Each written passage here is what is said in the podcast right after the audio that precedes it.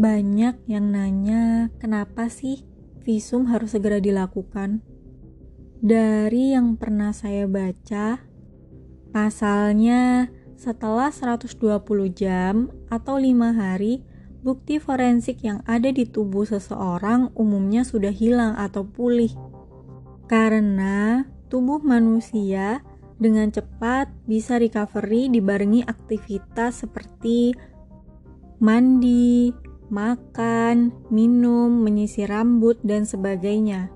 Dengan hal ini, bisa saja mengurangi keberadaan bukti forensik ini. Ada kisah nyata yang saya ketahui sendiri. Jadi, ada sepasang suami istri yang mungkin terbilang masih baru aja menikah ternyata suaminya itu hmm, termasuk hiperseks. Tapi si istri ini menganggap bahwa mungkin ini hal biasa karena baru menikah. Jadi ketika suaminya setiap hari meminta melakukan hubungan biologi suami istri, dia menganggap biasa aja. Jadi ya si istri ini setiap hari tetap melayani suaminya walaupun uh, dalam keadaan dia merasa kesakitan karena si suami ini hampir tidak pernah melakukan pemanasan atau foreplay.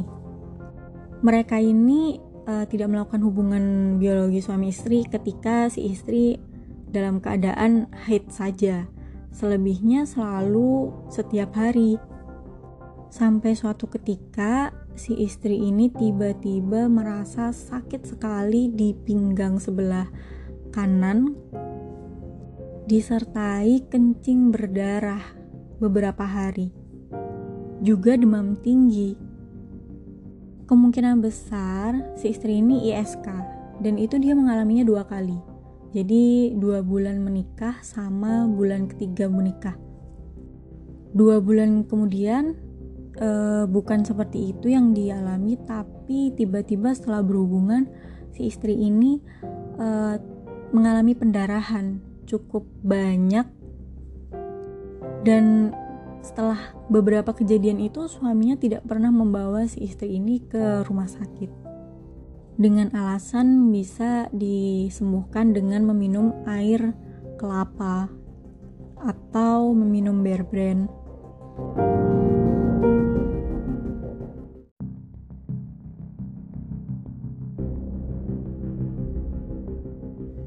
Sebelum si istri mengalami beberapa kejadian tadi, di satu bulan pernikahan mereka, suami istri ini melakukan hubungan biologis bisa 2-3 kali dalam satu hari.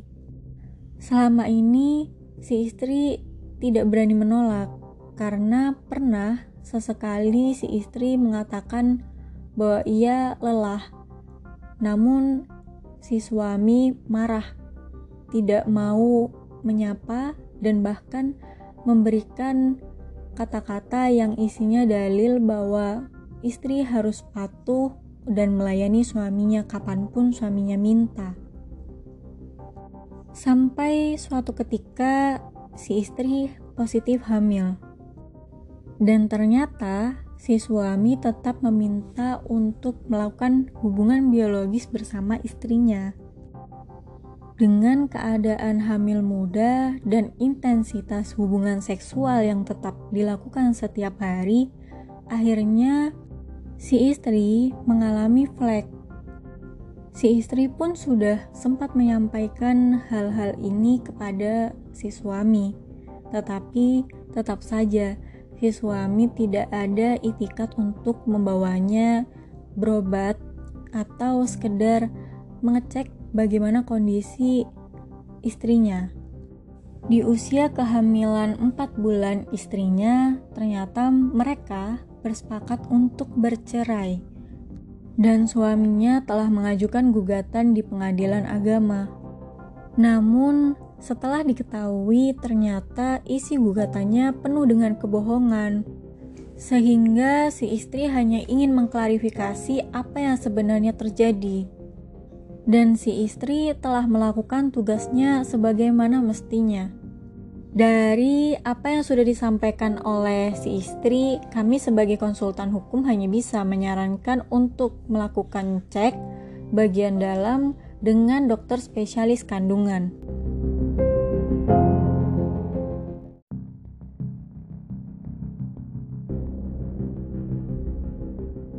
Setelah dilakukan pengecekan oleh dokter spesialis kandungan, Ternyata hasilnya menyatakan bahwa tidak ada luka di vagina.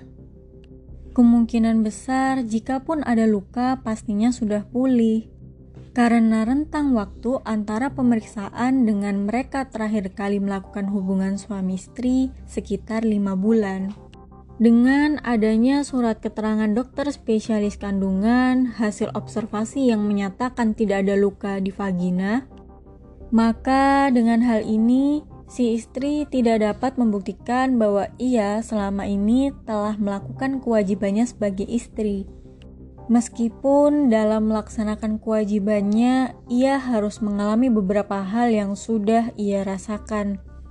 Ini adalah bentuk salah satu contoh di sekeliling kita, yang menurut saya ini masih tergolong ringan, karena di luar sana masih banyak korban kekerasan seksual yang tidak berani menyuarakan atas kekerasan seksual yang ia alami. Inilah yang menjadi kekhawatiran saya dengan sikap korban yang tidak berani menyuarakan kekerasan yang dialaminya. Mungkin suatu ketika, ketika ia mulai menyuarakan, bukti forensik itu sudah hilang, sehingga korban tidak memiliki bukti yang bisa dibawa ke persidangan yang pada akhirnya kita hanya berpacu pada surat keterangan hasil konseling bersama psikolog ataupun psikiater.